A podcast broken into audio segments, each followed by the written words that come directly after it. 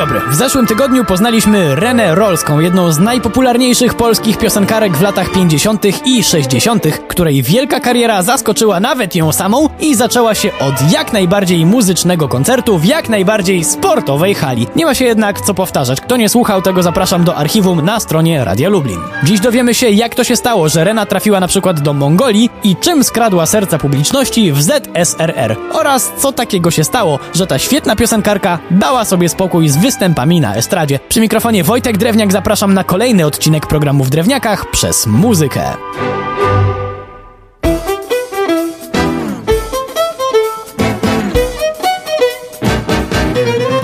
Nasze ostatnie spotkanie z Reną Rolską zakończyliśmy w momencie, kiedy to polska agencja artystyczna Pagard przygarnęła pod swoje skrzydła naszą dzisiejszą bohaterkę. W dzisiejszych realiach nikomu nie życzyłbym takiego menadżera jak Pagard, ale wtedy była to jedyna wspierana przez państwo tego typu firma, więc w sumie było się z czego cieszyć. Tak czy inaczej, cały ten Pagard postanowił pod koniec lat 50. wystawić reprezentację polskiej piosenki rozrywkowej i puścić ją w trasę do Mongolii.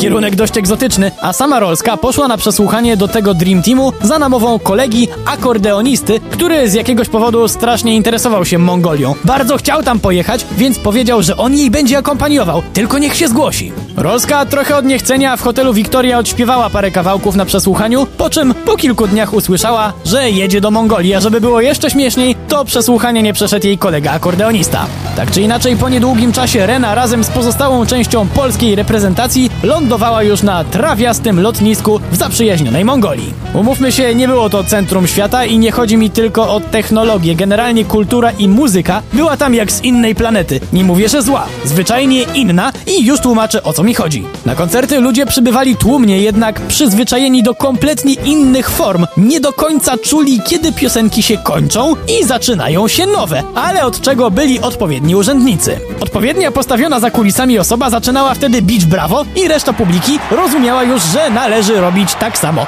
I wszyscy byli szczęśliwi. Oczywiście to nie tak, że z nowymi znajomymi w Mongolii były same problemy.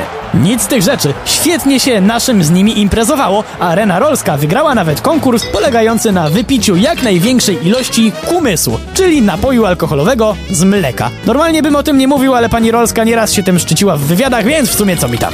Oczywiście koncerty w Mongolii nie były jedynymi zagranicznymi występami Rolskiej. Były też koncerty w ZSRR, a tam publika szczególnie ukochała naszą wokalistkę. Serio, była tam uwielbiana. Jeśli miałbym wskazywać powody tego uwielbienia, to moim zdaniem były one dwa. Po pierwsze fakt, że Rena doskonale znała rolę słów w swoich piosenkach. Muzyka muzyką, ale to prezentowany przez nią z aktorską ekspresją tekst urzekał ludzi przede wszystkim. Uznała więc, że nie ma sensu śpiewać w języku, którego 90% osób nie zrozumie, a reszta wychwyci pojedyncze słowa. Cały repertuar przetłumaczyła więc na rosyjski i to był strzał w dziesiątkę. Ludzie zapełniali sale koncertowe i tutaj przechodzimy do drugiego czynnika. Do bardzo osobistego podejścia do piosenek. Rena Rolska, co może dziwić w kontekście piosenkarki, nie za bardzo lubiła wielkie występy. Wolała kameralne koncerty, ale zawsze, żeby łatwiej wczuć się w rolę, to wyszukiwała sobie kogoś w pierwszych rzędach i reszta sali dla niej znikała. Śpiewała jakby tylko dla tej jednej osoby, której takiego wyróżnienia można było tylko zazdrościć. Po koncertowym zatrzęsieniu w latach 60. znacznie częściej można było usłyszeć Renę w radiu i nie mogę tutaj nie wspomnieć o jej audycji. Rolska do tablicy. Nawet nie dlatego, że nasza bohaterka czarowała tam głosem, to były słuchowiskowe wyżyny, ale też dlatego, że to był fenomen jeśli chodzi o ilość odcinków. Program trwał aż do ogłoszenia stanu wojennego, który zresztą okazał się kluczowy dla naszej dzisiejszej bohaterki i jej kariery. Rena Rolska swój ostatni koncert dała 12 grudnia 1981 roku. Dzień później wiadomo co się stało, a nasza bohaterka przyłączyła się do bojkotu mediów, który rozpoczęło wielu świetnych artystów. Swoją drogą to był najdłuższy strajk w historii PRL-u, bo trwał ponad rok. Kiedy już stan wojenny się skończył, to Rena nie wróciła na scenę z innego powodu. To już było inne środowisko, to znaczy często ludzie byli ci sami, ale na dobre zagościł u nas termin show business i ludzie stali się dla siebie po prostu gorsi. Sama wspominała.